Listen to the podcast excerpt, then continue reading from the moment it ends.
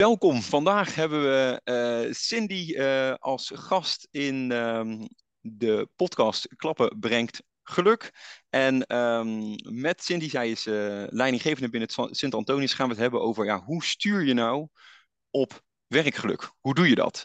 En um, nou, in dit geval vond ik het heel bijzonder, want ik sprak Cindy een tijdje geleden en ze vertelde, ik zit eigenlijk al een lange tijd op 0% verzuim en 0% verloop. En toen gingen mijn uh, oren uh, nog meer uitstaan om te zeggen, hey, hoe doe je dat? Want nou, we weten in de zorg dat dit juist twee issues zijn die ja, soms heel hardnekkig zijn en moeilijk op te lossen zijn. Dus uh, ik vind het heel leuk, Cindy, dat je vandaag de tijd wil nemen om iets van jouw kennis en ervaring met ons te delen.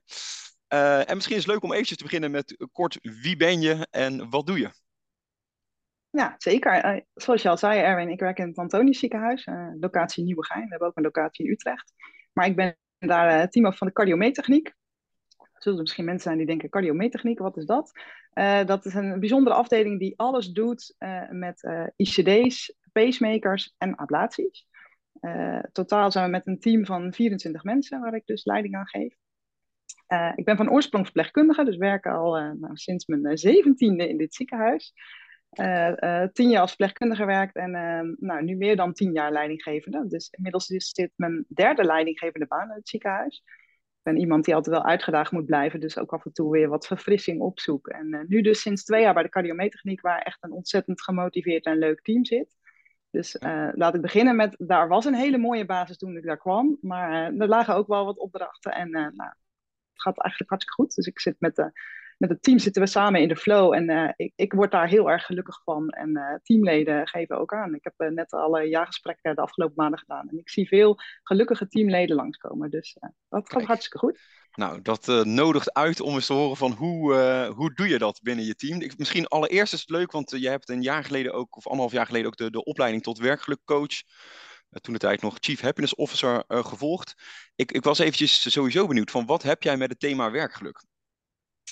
Ja, ik, ik ken je al, al wel langer, Erwin. Want ik denk dat het inmiddels, nou misschien is dat al wel weer tien jaar geleden. Toen hadden we hier in ons ziekenhuis af en toe uh, broodjes sterk in je werk, heette dat. Sterk in je werk is programma in ons ziekenhuis. Uh, wat al heel lang bestaat en wat onder andere over balans en over ontwikkeling gaat. En, nou, dus Erwin was daar spreker en um, toen kwam Erwin met, de, ja, toen heette het nog niet de cirkel van acht, maar het principe is er niet veranderd. En hij vertelde het verhaal dat hij op weg was eh, naar een meeting en in de file stond. Nou, ik moet iedere dag over de A2, dus ik sta iedere dag in de file op de A2. en um, ik was echt enorm geïnspireerd daardoor, dat ik dacht, ja, het is zo'n enorme frustratie, die file, maar je hebt gewoon zelf de sleutel in handen. En ik moet dus ook echt eerlijk toegeven, dat heeft mijn leven op filegebied echt veranderd. Kijk, iedere keer als ik nu in de file sta, dan denk ik, ja, accepteer. en dat doe ik dan. En dat geeft, dat, dat, dan kom je in een hele andere flow in plaats van alleen maar negativiteit en je te storen aan die stomme file. Nee, dit is gewoon, uh, dat is dan wat het is. Maar dat was voor mij zo'n levensles, zou ik eigenlijk willen zeggen. Dat ik, dat ik daar natuurlijk uh, nieuwsgierig naar ben ge gebleven en dus steeds meer ben gaan verdiepen in werkgeluk. En op een gegeven moment dacht nu, nu is het wel eens tijd om uh, Chief Happiness Officer te worden. Dus Kijk. dat heb ik gedaan. Dus toen de training gevolgd en uh, daar uh, nog meer geleerd. En uh, nou, dat kan ik nu ook toepassen in de dagelijkse praktijk. Voor mezelf, maar ook voor mijn team.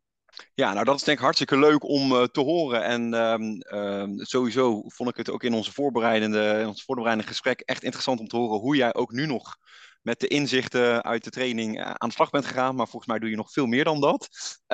dus ik ben sowieso wel eens benieuwd om te horen van ja, hoe doe je dat nou? Je geeft leiding aan 24 mensen, zeg je. Hoe geef je nou leiding ook aan het werkgeluk van die 24 mensen? Hoe pak je dat aan? Kan je daar eens wat over vertellen? Ja, er zitten wel een, een aantal aspecten in. En ik, ik denk dat een van de basisaspecten voor mij is uh, um, het bouwen aan vertrouwen, zoals, we, zoals, we, zoals ik dat noem. En dat heeft ermee te maken met, ik, ik ben zelf een open boek. Ik denk dat dat mij dat heel erg helpt. Maar um, ik ben heel erg eerlijk over hoe het met mij gaat, wat ik lastig vind. En wat ik dus merk bij mijn team, dan, dan krijg je dat dus ook terug. En ik, uh, als leidinggevende, en ik denk dat we daar als mensen allemaal last van hebben, dan betrap je natuurlijk nog wel eens op dat iemand iets vertelt en dat je daar toch een, een oordeel over hebt. Uh, en dat voelt een medewerker. Als je kritisch bent over, uh, over dingen, dat, dat voelt iemand. Dus dat weerhoudt ook om, uh, om eerlijk tegen je leidinggevende te durven zijn. Dus ja. hoe neutraal je als leidinggevende op kan stellen, dus te meer vertrouwen dan er ontstaat en de medewerker dus, dus dingen gaat vertellen. Want je hebt die informatie nodig om hem te kunnen coachen op dat werkgeluk ja. en op ja. die ontwikkeling. Ja, mooi. Ja, je noemde eerder ook het woord pokerface. Hè? Ja. Stap 1 zeg je is, als je wil leiding sturen en leiding geven aan werkgeluk, dan begint het met het bouwen van vertrouwen. En je zegt dat doe ik door zelf, dat vind ik ook een hele mooie, een open boek te zijn. Dus heel eerlijk te zijn over wat je denkt en voelt bij je werk. En ja, hoe meer je dat zelf doet als leidinggevende, hoe meer je eigenlijk ook de, de deur opent voor medewerkers. Om, dat, om ook open en eerlijk te zijn over wat ze denken en voelen. Ja, precies. Ja, mooi. Dus dat is, dat is een belangrijke stap. Um, ja, je zegt wat daar ook bij helpt, is de, de, de, je oordeel in ieder geval uitstellen. Of hè, je, proberen inderdaad zo neutraal mogelijk iedereen uh, ja, te, te benaderen. Ja. Kijk, en, en een nuance daarin, dat kan natuurlijk niet altijd. Hè. Er zijn natuurlijk gewoon grenzen en ik mag ook wel heel duidelijk grenzen stellen. Maar waar het niet hoeft, doe dat niet. Ja, ja exact. Ja. Oké, dat, is een, dat is een hele duidelijke. Dus het bouwen van vertrouwen. Wat doe je nog meer? Ja, um, ik, ik, ik ben een echte doener. Ik ben een verpleegkundige, dus ik ben heel erg geneigd om altijd met oplossingen te komen. En uh, het, liefst het voor de ander over te nemen, maar daar, daar help ik eigenlijk mijn medewerkers niet mee. Dus het is heel erg uh, belangrijk, en uh, dat is echt wel ervaring die ik heb opgedaan de loop der jaren, om, om te coachen in plaats van met oplossingen of verbeterpunten te komen. Dus coachen is natuurlijk vooral ook, ook vragen stellen. Ja. Ik heb inmiddels wel geleerd. Um, als er echt diepe problematiek zit, dan gaat de medewerker natuurlijk niet altijd het achterste van zijn tong laten zien, want je bent niet zijn coach, je bent zijn, uh, je bent zijn leidinggevende. Dus ja. um, als daar grotere problematiek is, dan verwijs ik altijd door naar een echte coach, want dat is niet wie ik kan zijn. Ja.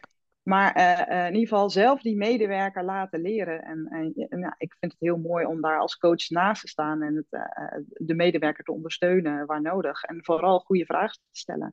En, ja ja, dan zie je dus ook dat mensen een leer leerproces ingaan. En uh, als zij zelf met die ideeën komen hoe het anders kan, dan ja, is, is daar ook die intrinsieke motivatie veel sterker om dat duurzaam te veranderen. Hè? Dus ja. in plaats van, nou, mijn leidinggevende zegt dit, dus ik moet dit maar doen. Ja. Dan ja. zie je dat er echt wel een gedragsverandering komt. Ja, mooi. Dus in plaats van, ja, ik noem maar even adviseren hè, of uh, uh, ja, het invullen voor de ander, zeg je ja, het is juist belangrijk om te leren coachen als leidinggevende. En dat betekent veel meer luisteren, veel meer vragen stellen dan dat je antwoorden geeft. Precies. En ja, dan is het de gedragsverandering inderdaad ook duurzaam, want het komt uit die persoon zelf. Het is zijn eigen proces waar je hem ja. uh, wel in begeleidt, maar waar je hem, je laat hem wel zijn eigen weg bewandelen. En, bij ja, zijn eigen en die ruimte dus ook geven. Hè? En dat is dus ook heel erg belangrijk, dat je, dat je ook die ruimte geeft voor de, voor de balans. Want nou, ik, iedereen werkt die, uh, die nu aanwezig is in het ziekenhuis, dus we weten allemaal hoe hard werken dat dat is. Ja. Hoeveel we eigenlijk van onze teamleden vragen. En dus is het dus ook super belangrijk in mijn ogen om mensen daar de ruimte in te geven, ook voor hun balans. En uh, dat, dat doet soms om de korte termijn pijn. Hè? De medewerker die de volgende dag niet is omdat zijn hond moet inslapen. De, ja, dat, dat was echt niet lekker voor mijn planning. Maar als ik tegen hem gezegd had, joh, ik verwacht echt dat je er morgen bent, want ik kan niet dan had dat veel groter negatief effect gehad voor de langere termijn. Ja, dus in die zin is het voor, leiding, voor jou als leidinggevende korte termijn pijn, lange termijn fijn, zeg je. Dus je, ja. je, je, je ja. nu pak je even de pijn van, oké, okay, helaas, mijn planning loopt in de soep. Maar ik geef medewerkers wel de ruimte om weer uh, nou, even bij te komen, even op adem te komen. Ja. Uh, en dat voor de lange termijn heb je natuurlijk dan veel meer gewonnen hè? In, uh, ja, in goodwill richting zo'n medewerker. Ja, absoluut. En als je dus um, daar de ruimte in geeft, dan gaan medewerkers die, die ruimte ook steeds beter benutten. Ik, ik heb een team wat echt keiharde werkers is en daarmee eerder geneigd is om over hun grenzen heen te gaan door maar gewoon door te gaan. Maar als ik hen dus de ruimte geef, dan zie je dus ook die gedragsverandering. Dat zij nadenken van, oh, ik merk toch dat ik wel vermoeid begin te raken. Misschien moet ik toch een extra dag vrij plannen. Ja. En daar dus ook preventief in gaan acteren. In plaats van dat het, dat, dat, dat het zo voorkomt en dat ze uh, nou ja, over de kop gaan doordat ze ziek worden. Ja. Dus ik denk dat dat ja. zeker op preventie van verzuim, dat je daarin wel een hoop kan doen. Nou heb Mooi. ik makkelijk praten, want mijn team is op formatie. Mhm. Ik, kan- er zijn natuurlijk heel veel plekken waar eh, een groot personeelstekort is. Dan is dat natuurlijk veel moeilijker. Ja. Maar dan nog denk ik, eh, voor de lange termijn, als het dus lukt om die ruimte te geven, dan behoud je daar ook mensen mee. Ja. Of Ja, in de zin van dat ze niet ziek worden, maar ook in de zin van dat, dat, dat zij voelen, hé, hey, die ruimte die ik nodig heb, die krijg ik. En dus is dit een fijne werkplek om te blijven. Ja, exact. Ga ik niet vertrekken, inderdaad. Ja, Ja. ja. mooi. Dus eh, tot nu toe noem je eigenlijk die drie, drie dingen. Als je zegt van ja, het, het, het sturen op werkgeluk, het leiding geven aan werkgeluk begint met het bouwen van vertrouwen of het bouwen aan vertrouwen. Vervolgens het coachen in plaats van eigenlijk de oplossing aandragen, het adviseren. En een derde is dus ja, ruimte voor balans. Dus medewerkers de ruimte geven als ze dat nodig hebben.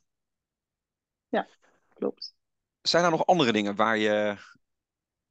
Ehm, ja, ik, werk, ik werk met een heel getalenteerd team. Het zijn ontzettend diverse mensen. Ik heb een hele mooie leeftijdsopbouw. Mannen, vrouwen, eh, verpleegkundigen, niet-verpleegkundigen, van alles en nog wat. En wat zo leuk is aan zo'n divers team, is dat je dus ook hele diverse talenten hebt. En dat geeft ontzettend veel energie als je die talenten benut. Ik vind dat heel erg leuk. Bij, binnen de cardiomeetechniek zijn er heel veel mogelijkheden. Vanmorgen zat er iemand die, eh, die heeft een, een achtergrond eh, van communicatie bij KPN.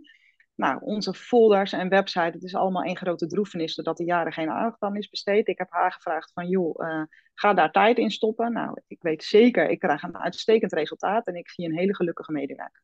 Ja, Dus zo probeer ik bij iedereen eruit te halen wat erin zit. En eh, ik, ik durf daar zelf nu tegenwoordig ook iets verder in te gaan. Een van de, van de dingen die ik van Erwin ook heb geleerd is dat ook die uitdaging die mag er echt wel zijn. En die mag ook best wel een beetje spannend zijn, tot op zekere hoogte. Want dan komen mensen in de flow. Waar ik altijd een beetje voorzichtig was van hoe vraag ik nu niet te veel van. Zo weet ik nu, nou dat kan best. Ja. Ik mag Ja. daar ook weer als coach naast staan. Hè, om wel te bewaken vraag ik niet te veel. Maar een beetje eh, die uitdaging opzoeken, dat is helemaal niet zo verkeerd. Ja, mooi. Dus je, je stretcht je in die zin ook. ehm, door ze een beetje de spanning op te laten zoeken, maar wel kijkend naar hey, waar zijn ze goed in? Waar liggen hun talenten? Ja. En kunnen ze dat meer in gaan zetten? Hè? Dus het kennen Ja. en benutten van vooral ook het benutten van de, de, de kwaliteiten die ze hebben. Ja, Zeker. mooi. En een mooi voorbeeld ook wat je aangeeft. Hè? Dus je kan gewoon kijken, even los van de functie, van hey, waar is iemand goed in? Waar heeft hij talenten voor? Wat, wat vindt hij ook leuk en wat geeft energie? En dat, eh, daar ook ruimte voor eh, geven. Ja. Mooi. Dus dat is een vierde punt. Hè? Dus ehm, het kennen en benutten van de talenten, die, eh, de sterke kanten die aanwezig zijn. Ehm, ja, en je vertelde ook nog iets al over die cirkel van acht. Hè? Dat, eh, dat vertelde je net al eventjes in de introductie. Maar volgens Ja. mij gebruik je dat nu ook hè? in je... ja, in- die, die zet ik veel breder in. Want eh, niet alleen in mijn fileleed is die toepasbaar. Ik, ik heb ook ge- gemerkt in de afgelopen jaren, ook in verzuim, en zeker bij langdurig verzuim, is het ook een enorme sleutel. Want eh, mensen zitten heel vaak in de weerstand van, oh ik heb ziek, dit overkomt mij, ik wil het niet, ik vind het vervelend. En op het moment dat het lukt om de situatie te accepteren waar ze in zitten, dan kun je ook veel meer in die positieve flow komen en samen nadenken over, hé, hey, maar wat kan er wel en wat ga je helpen en, en hoe kom je hier uiteindelijk weer uit? Uiteraard stap voor stap, maar het, het begint echt met accepteren van die situatie. ja, En ja, ja, ja. heb ik zelfs bij een, een terminaalzieke collega meegemaakt hoe enorme in- impact dat had doordat zij haar, haar situatie accepteerde. Ik heb daar echt heel veel respect voor, want dat, dat, dat moet iemand echt zelf doen. Mijn Mhm. ervaring is ook, niet iedereen heeft die knop, niet iedereen lukt dat.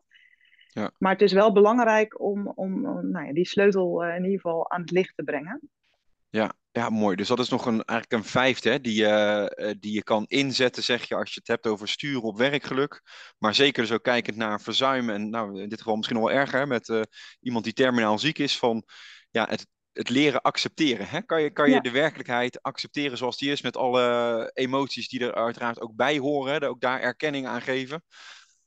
Ehm, om vervolgens te kijken, hey, waar, waar zitten nog mogelijkheden? Hè? Waar, heb, waar heb je nog invloed? Ja, en, en dus ook voor ons als leidinggevende zelf. Hè? We, we zitten eh, wat in financieel zwaarder weer met, met, ik denk wel alle ziekenhuizen in Nederland. Ja. Ja, daar kunnen we heel gefrustreerd over zijn. En, en dat, dat zijpelt dan door naar onze teams. En we kunnen ook accepteren dat dit de situatie is. En vanuit acceptatie weer kijken, hé, hey, en waar zien we dan mogelijkheden? En waar zien we kansen? En waar moeten we echt iets doen? Ja, ja. ja mooi. Dus je zegt het is niet alleen voor medewerkers, maar ook voor jezelf als leidinggevende nog uh, uh, helpend inderdaad, om af en toe te Absoluut. kijken. Absoluut. Ja, ja. Dagelijks toepasbaar zou ik eigenlijk willen zeggen. Dagelijks toepasbaar, ja.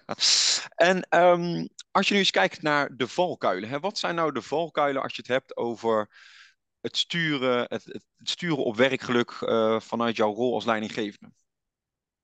Ja, wat, wat mij enorm helpt, is dat ik uh, eenzelfde visie hierop heb als mijn leidinggevende meer. Ik, ik, zoals ik al zei, dit is nu mijn derde leidinggevende functie in ons ziekenhuis. Ik heb helaas ook leidinggevende meegemaakt die echt een andere visie hadden als ik. Dat gaat niet werken. Nee, de, nee en zeker niet op werkgeluk. En ja. om, om, we hadden het net bijvoorbeeld om de ruimte bieden voor balans. Als jij als leidinggevende vindt van nou, het is belangrijk dat ik die, die medewerker de ruimte geef. En jouw leidinggevende gaat vervolgens sputteren omdat die zegt ja, maar uh, uh, de productie. Ja, ja. Dat, dat, dan ga je elkaar tegenwerken. En je, dus het moet, je, moet, je, je hebt daar elkaar echt in nodig. Ja, ja. ja, goed. Dus je zegt het is heel, eigenlijk ook heel bepalend hoe, ja, wie er boven jou zit, zeg maar eventjes in, in de hark. Hè? De, ja. hoe, hoe jij wordt aangestuurd. En dat uh, als nou, dat heel erg productiegericht is en jij zit veel ja. meer op de, de mensgerichte kant, ja, dan gaat dat op een gegeven moment botsen natuurlijk. Ja, ja. en zo zie je dus ook dat er van, vanuit nou ja, de hogere lagen boven ons nog wel eens blind gestaard wordt, ook op die verzuimcijfers. Ja. En ja, ik ben daar zelf heel nuchter in. Ik, ik heb trouwens vandaag een ziekmelding gehad hoor, dus ik heb oh. geen nul. ja. Moeten we de titel gaan aanpassen? nee, uh, je kan nog zo werkgelukkig zijn, daar trekt griep zich niks van aan. Maar uh, even los van dat, um, het kan zomaar gebeuren dat ik, dat ik volgende week drie ernstig zieke medewerkers heb. Dat, ja. ja, daar kan je nog zo hard je best doen. Ja. En daar kan dan heel hard op geduwd worden van bovenaf. Ja, daar zit, daar zit geen winst te behalen. Daar geloof nee. ik echt niet in. Dus sta je niet helemaal blind op die verzuimcijfers. Nee, exact. Dus je zegt dat is eigenlijk een tweede valkuil. Hè? Dus de eerste valkuil is, ja, je hebt uh, een manager boven je die een hele andere visie heeft. Hè? Die niet aansluit op werkgeluk, maar veel meer op uh, bijvoorbeeld productie. Hè? Het, het sturen op productie. Um, en de tweede is ja, ook niet blind staren op verzuimcijfers, want niet alles is beïnvloedbaar. Hè? Dus je hebt ook te ja. onvermijdbaar verzuim, daar kan je niks aan doen. Um, en dan helpt dat ook niet, kan me voorstellen. Ja, als iemand ja. daar heel, uh, heel erg op die verzuimcijfers zit. Ja. Helder. Zijn er nog andere valkuilen of zijn dit zo de belangrijkste die jij. Uh... Um, ik denk dat we ons ook bewust, nog meer bewust kunnen zijn van de levensfase waar een medewerker in zit. Dus ja. um, nou, de gouden levensfase is eentje waar ik me heel erg bewust van ben. Dus de, de oudere medewerker heeft een, nou, andere dingen nodig ten opzichte van een balans van iemand die net, net is gestart. Ja. Uh, de jonge ouders uh, is ook een groep. Uh, nou, daar wordt veel van gevraagd, dus daar kun je echt wel veel in doen. En ook hiervoor geldt dus we gewoon ook weer eerlijk het gesprek aangaan. Ja. En de medewerker en, en... de ruimte geven in aan te geven wat hij nodig heeft. Ja, want dat was, was ik benieuwd naar. Van hoe doe je dat dan? Hè? Stel, je hebt inderdaad een oudere medewerker eh, of een jongere medewerker, of waarschijnlijk allebei. Um, hoe, ja, wat, wat zijn dan vragen die helpen in zo'n gesprek om mensen, ja, uh, ondanks de fase waar ze in zitten, toch gelukkig te laten werken? Ja, een, een vraag zou kunnen zijn: wanneer is je week in balans? Mooi. Uh, ja. Ja, en, en vaak heb je da daar wel wat langer voor nodig. Want een medewerker is niet altijd. De oplossingen liggen niet altijd pas klaar voor het grijpen. Dus dan heb je, dan heb je dus echt die coachende gesprekken weer nodig om erachter te komen: hé, hey, waar wringt de schoen? Ja. En zeker bij de, bij de oudere generatie merk ik ook vaak, die willen zo graag hard werken. Die vinden het ook heel, heel lastig om, om nou, dat tandwiel wat op een andere modus te zetten. Ja, ja. Maar ze daar dus daar ruimte in bieden. En dat dat dus ook, nou heb je dus dat accepteren weer. Dat is dus ook gewoon oké. Okay. Ook zij moeten accepteren, hé, hey, dit is de fase waarin ik zit. En dit is, dit is wat er nu kan. Ja, ja exact. Dus dat, uh, uh, want, want ja, dat vroeg ik me ook af van... Um, ze, ze, geven natuurlijk allerlei verschillende uh, antwoorden op die, die mooie vraag die je hebt, hè, van wanneer is je, je week in balans. Zie jij toch een soort van rode draden van bij de oudere medewerkers zie je gemiddeld de behoefte die hier ligt en bij jongere medewerkers zie je meer dat de behoefte daar ligt. Zijn daar ook een soort patronen in te ontdekken of niet? Oeh. Um... Of zeg je ieder mens is uniek en heeft toch wel weer hele andere behoeften wat dat betreft? Ja, dat, dat sowieso. Um, En ik moet wel zeggen, bij de jonge, oude, eh, bij de jonge ouders is het nu veel makkelijker geworden. Hè? Met het ouderschapsverlof is het wel veel makkelijker geworden. Dus, dus eigenlijk is dat een, een oplossing voor een probleem waar ik, waar ik heel lang mensen mee zag worstelen. Dus daar, is, eh, daar was de rode draad echt wel dat de werk-privé-balans eigenlijk heel lastig in balans te krijgen was. Ja, ja, exact. En bij de oudere medewerker, ja, daar zie je inderdaad toch wel de rode draad dat er eigenlijk meer van ze verwacht wordt dan ze eigenlijk aan kunnen. En daar, door daar open en eerlijk over in gesprek te gaan. En ook weer te kijken naar mogelijkheden. Ik zie dat bijvoorbeeld nu ook bij mijn collega uh, bij, de, bij de interventie. Is ook uh, zwaar werken. En mensen staan ook de hele dag met lood aan. Dat is ook een oudere medewerker. Nou, die, uh, die is het nu een half jaar voor de pensioen op de tandvlees. En hij heeft nu samen met haar bedacht, nou, ze kan ook twee dagen in de week coördinator zijn op de afdeling. Ja, exact. En, ja. het, en het ja. mooie is dus ook weer, zij is, zij is daar zelf mee gekomen met dat idee. Hè? En dat, ik ben ervan overtuigd, zij is gekomen doordat ze weet, hij, hij biedt die ruimte. Ja, ja, ja, mooi. En dan heb je ook weer de intrinsieke motivatie, denk ik, van die persoon te pakken. Hè? Omdat hij er zelf mee komt en er Ja. zelf enthousiast over is. Ja, Ja, mooi. En er is dus inderdaad ook, want het raakt wel veel aan de dingen die je al genoemd hebt, ook aan het vertrouwen. Hè? Dus iemand voelt ook het vertrouwen om te delen van, hey, dit, ja, dit heb ik eigenlijk nu nodig, gezien de fase waar ik in zit. Ja. Ehm, ja, mooi. Ehm, dus je noemt een aantal, zeg maar, ja, je kan zeggen valkuilen of randvoorwaarden. Hè? De, de, de, visie hè, van, eh, die moet aansluiten eigenlijk op de verschillende managementlagen. Moet er een soortzelfde visie zijn op, hey, hoe willen wij met onze mensen omgaan? Hè? Ik denk dat dat er één is. Ehm, het niet blind staren op de verzuimcijfers en je ook bewust zijn van de levensfase. Hè? Dus ja, dat vraagt eigenlijk een, een aanpak per persoon van even afstemmen van hey, wanneer is je week in balans, wat heb je nodig? En dus ook daar die coachingsvaardigheden inzetten om iemand zelf met ideeën te laten komen die hem helpen gezien de, de fase waar hij in zit in, uh, in zijn leven. Zijn er nog andere ja, valkuilen of randvoorwaarden waar jij nog aan denkt die belangrijk zijn om het werkgeluk te vergroten? Ja, ik, ik zei net al even uh, dat als, als er dieper problematiek zit, dat ik dan niet zelf ga coachen. Ik vind dat we dat bij ons in het ziekenhuis ontzettend goed geregeld hebben. Dus we hebben hier interne coaches waar ik naartoe kan verwijzen. Maar ik kan ook doorverwijzen naar een psycholoog. Ja. En dat is van enorm toegevoegde waarde. Ik, ik, uh, in het begin was ik daar heel terughoudend in, want daar hangt natuurlijk wel een prijskaartje aan. Dus dan dacht ik, ja, dat gaat wel van mijn afdelingsbudget af. Mhm. Maar inmiddels heb ik geleerd dat dat geld, dat verdient zich dubbel en dwars terug. Want het voorkomt ja. verzuim. Ik heb het binnen, binnen de twee jaar dat ik hier nu zit, twee voorbeelden van mensen die niet in het verzuim zijn gekomen, waar, waarbij ik me wel ernstig zorgen maakte en die dus door een traject met een psycholoog daaruit zijn gebleven. Oh, wauw. Ja. En daar zoveel van hebben geleerd. Dus het gaat niet alleen om verzuim. Het, zijn, het is zo'n mooie secundaire arbeidsvoorwaarden. Uh, ja, echt. En wat, ja. Ja, wat, ik, wat ik zei, we vragen zoveel van onze mensen. Zo mooi dat je dat erbij kan doen. En je gaat natuurlijk niet als iemand hier solliciteert zeggen... nou, we hebben nog iets extra's met een psycholoog in de aanbieding.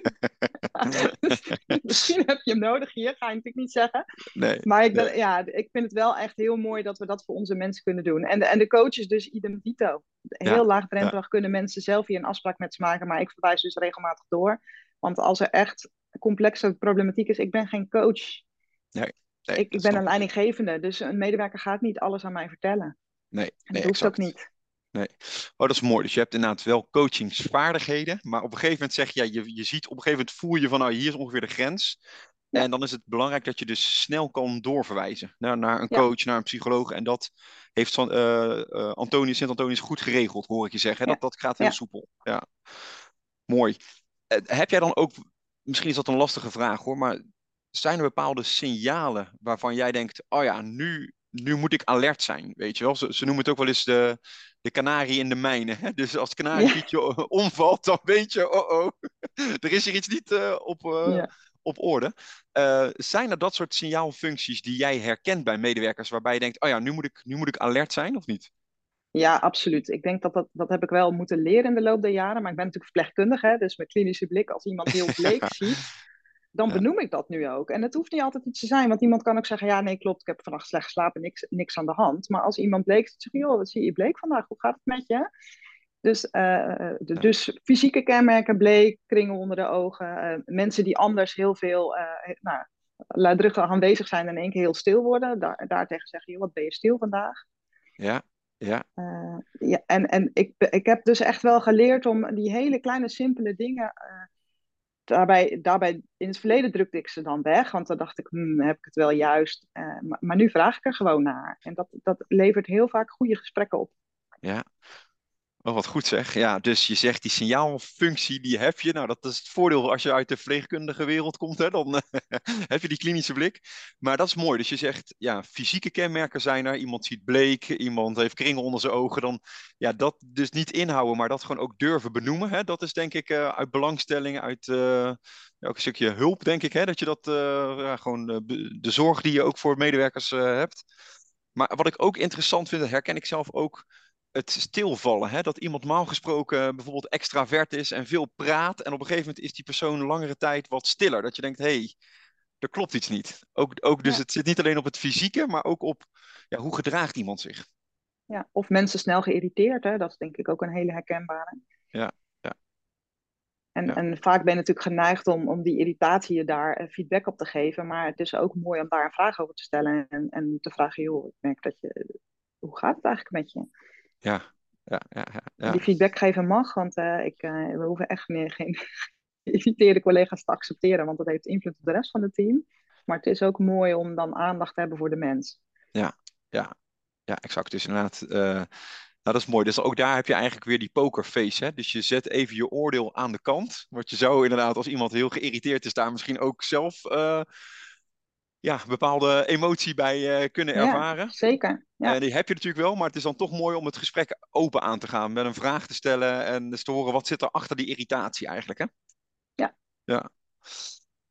Uh, ja, heel waardevol. En ik vind vooral de tip, denk ik, die je meegeeft van het niet voor je houden, maar gewoon er openlijk naar vragen. Dat dat een hele, hele goede en praktische tip is voor, denk ik, veel leidinggevenden krop het niet op. Hè? Dat, ja.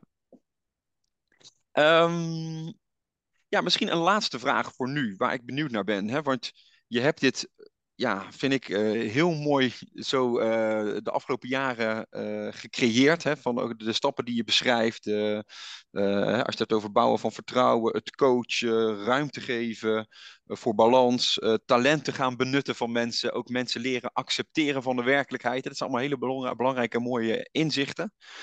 Um, maar hoe zorg je nou dat het ook blijft en beklijft? Ze zeggen wel eens, als je met werkgeluk aan de slag gaat, bestaat het risico dat het een soort losse vlodder is. Ja, bij jou heb ik dat gevoel totaal niet. het lijkt wel in je DNA te zitten. Uh, dus ja, heb je nog tips van hoe kan je nou zorgen dat ook er uiteindelijk sprake is van duurzaam werkgeluk op de afdeling? Of teamflow, ja, zoals jij het noemt. Ja, ik denk dat dat werkgeluk is, is eigendom van de medewerker zelf. Hè? Dus, ik, dus ik, ik laat het ook bij die medewerker. Ja. En eh, ik haal er dus heel veel energie uit als het dus lukt. Als ik iemand uh, zie floreren en uh, daar haal ik heel veel energie uit. Maar als het dus als dat niet lukt, dan, heeft, dan zegt dat ook iets over de ander. Dus ik, ik, het is niet alleen mijn verantwoordelijkheid. Sterker nog, het is iemands persoonlijke verantwoordelijkheid om hiermee actief aan de slag te gaan. Ja. Ik denk dat die borging dus ook zit in, nou, hoe, is je, uh, hoe is de visie van de organisatie hierin? Ik, ik merk dat in ons, uh, onze organisatie, we hebben vorig jaar letterlijk gezegd, we moeten niet de patiënt centraal zetten. Nee, we moeten onze medewerkers centraal zetten, want daarmee krijgen we uiteindelijk kwalitatieve zorg. Ja. Ja. Daar kwamen we ook wel weer door in de problemen, want bij het minst of gering zijn de medewerkers, ja, maar het was toch de medewerkers centraal. oh jee, ja. ze hadden een stok om mee te slaan. Ja, ja, ja. precies, maar, maar in ieder geval de visie van de organisatie is wel, en, en werk, werk uh, geluk zit dus ook echt weer in ons meerjarenbeleidsplan. Ja. Ja, ja en, en ik, ik, wat je zegt, het zit in mijn DNA, want ik krijg er energie van. Ja, ja, en ik denk dat dat toch ook uh, een, een hele goede randvoorwaarde is voor organisaties. Ja, heb je leidinggevenden zitten die het ook leuk vinden om mensen te ontwikkelen? Hè, die daar ook energie van krijgen, zoals ik dat bij jou uh, ervaar, weet je wel. Jij vindt het leuk om mensen een, een, kopje groter in plaats van een kopje kleiner te maken. Uh, ja, dat is denk ik ook een belangrijke voorwaarde om uh, succesvol met werkgeluk aan de slag te gaan. Dat je dus ja, ook de juiste leidinggever op de juiste plek hebt zitten. Ja. En daar zie ik het zelf ook wel eens misgaan nog. Dat ik denk, oeh, dit is misschien niet degene die echt de medewerker op één heeft staan, maar die ehm, ja, die, die daar misschien wat minder feeling of wat minder plezier uithaalt. Maar ik denk dat dat wel een belangrijk is. De ontwikkeling van medewerkers gewoon ook op nummer één zetten. Absoluut. En ik denk ook als ik jou hoor praten in de randvoorwaardelijke zin, heb je ook een relatief behapbaar team hè, met 24 medewerkers ik denk dat dat toch ook een belangrijk is. Hè? Je, je, je komt ook wel eens leidinggevenden tegen die zeggen: Ja, ik, ik ben nu sinds kort heb ik een veel kleiner team. Ik ben van 200 naar 150 gegaan. Dan denk ik: Oké, maar hoe ga je dat dan doen? Weet je wel, met, uh, met werk? Ja, dat uh... is helemaal waar. Toen ik begon in mijn leidinggevende, was ik leidinggevende bij het Flexbureau. Ja. Dus heb je wel een andere verhouding met je team, maar dan nog, dat, wa dat waren 100 mensen dan weet je dus inderdaad niet, oh, die heeft een hond en die is dus heel verdrietig als een hond overlijdt. Dat, daar heb je gewoon geen idee van. Nee, en dan sta je zo ver van je team af dat ze eh, ook niet met jou praten. Nee. Ja, pas als het uit de hand loopt. Dan, dan, ben, dan pas ben je in gesprek. Ja, en dan weet je dus ook niet, iemand ziet heel bleek, oh nee, dit, die heeft gewoon een hele lichte huid. Je hebt, je hebt geen idee. Dus je kent je team dan niet diep genoeg.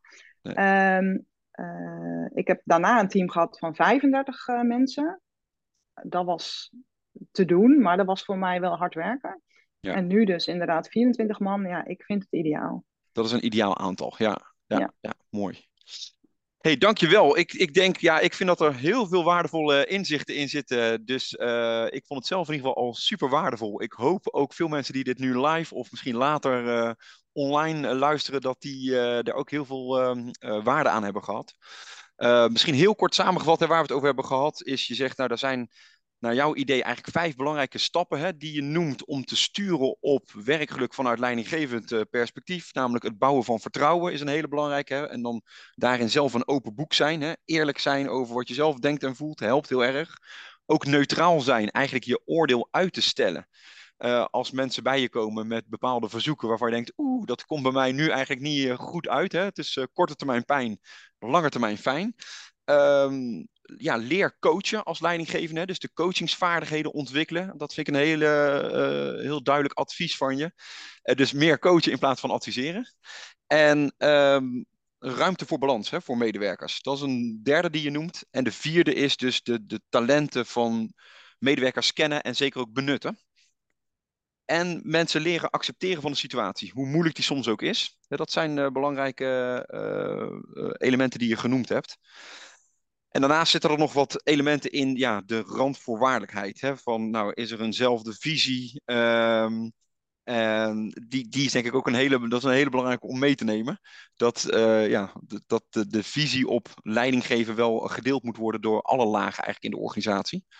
Um, en ik denk nou tenslotte noem je ook nog een paar hele zinvolle dingen als het gaat om de signa signalen herkennen en ook durven benoemen. Hè? Dat, dat, uh, uh, dat dat een hele cruciale is om ja, ook dingen te voorkomen. Hè, en daarmee ook te kunnen, snel te kunnen doorverwijzen, bijvoorbeeld hè, naar een psycholoog of een uh, coach. Dankjewel, uh, Cindy, voor uh, het delen van al, dit, uh, al deze mooie inzichten. Heb jij zelf nog dingen waarvan je zegt, ja, dit hebben we niet genoemd, maar wil ik nog wel meegeven aan de mensen die luisteren? Ja, ik denk dat als ik naar mijn team kijk, ik, ik zat, je was alles aan het vertellen, toen dacht ik, we vergeten er nog eentje, we hebben gewoon ook heel veel lol met elkaar. Gewoon, ja. de, de humor is echt goud in ons team ja, Dat, dat, wordt, dat, dat helpt voor iedereen. En dat, maar dat maakt soms ook om dingen te relativeren. En ook de, de lastige dingen met elkaar te bespreken. Maak ook vooral lol met elkaar. Ja, ja, ja, ja, dat is een hele belangrijke, denk ik. Dat is misschien wel een soort basis. Hè? Gewoon plezier, lol, humor. Precies. Maar daar hoefde ik niks voor te doen. Dat zat, dat zat al in het team. Alleen de juiste mensen toevoegen de afgelopen jaren om dat alleen maar nog sterker te maken. Nou, dat is gelukt. Oké, ja, want ik, wil, ik was daar wel benieuwd naar inderdaad. Van hoe doe je dat? Hoe krijg je humor op de afdeling? Of zeg je dat is dus ook een beetje de, de mazzel die je hebt van de mensen die aanwezig zijn? Of, nou, wat ik wel dus grappig op... vind, er, er, worden best wel schapjes gemaakt. En er wordt toch een beetje met schuin, schuin oog naar mij gekeken. Van oeh, dit is wel op het randje. Wat vindt mijn leiding? Ja, en ik lach daar heel hard om mee. Want dat ik het zo belangrijk vind dat we lol hebben met elkaar. Ja, dus ja, ook ja, daarvoor, daarvoor weer, weer, weer mijn pokerface op en denken, ja, ik vind het belangrijker. Dit, dit is inderdaad op het randje wat er nu wordt gezegd. Maar ik vind het zo belangrijk dat we met elkaar lachen en uh, nou ja, ja, ja, iedereen dus zichzelf mag zijn. Ja, ja en ik, ik ben zelf wel ook altijd in voor een geintje. Dus, uh, dat dat, dat helpt ook. Dat... Ja. okay. Cindy, nogmaals super bedankt. En uh, ja, mochten mensen dit luisteren en nog jou willen bereiken, uh, ik weet niet, mag dat, kan dat? En zo ja, hoe kunnen ze je bereiken als ze nog vragen hierover hebben? Ja, zeker. ik denk dat per mail dan het makkelijkst is. Dat is c.oldenhuis.antoniusziekenhuis.nl Oké, perfect. Nou, dan uh, kunnen mensen daar nog met hun vragen wellicht naartoe. Hopelijk wordt het niet te druk voor je, maar... nee, super. Dat ik, gewoon, ik heb, dat is ook een van de dingen die ik heb geleerd in mijn training. Ik heb echt een hekel aan mailen. Oké, oh jee, dus dit helpt niet. dat ik dan nu mijn mailadres geef. Ja. Maar wat ik, uh, ik, deze mailtjes, dat zijn de leuke mailtjes. Maar uh, ik heb dat dus wel tegen al mijn mensen om me heen gezegd. Joh, praat gewoon met me in plaats van mailen. Ja. Dat heeft echt een mailstroom enorm doen afnemen. Oh, wat goed. Dus, dus, ja. ja, dus in die zin een open, ze zeggen wel eens een open deur en een open oor. uh, ja. En minder mailen en meer gewoon elkaar spreken. Dat, uh, ja, ja, word ik dan weer gelukkiger van. Ja, ja dat is ook belangrijk. Hè? Ja. Oké, okay, super bedankt.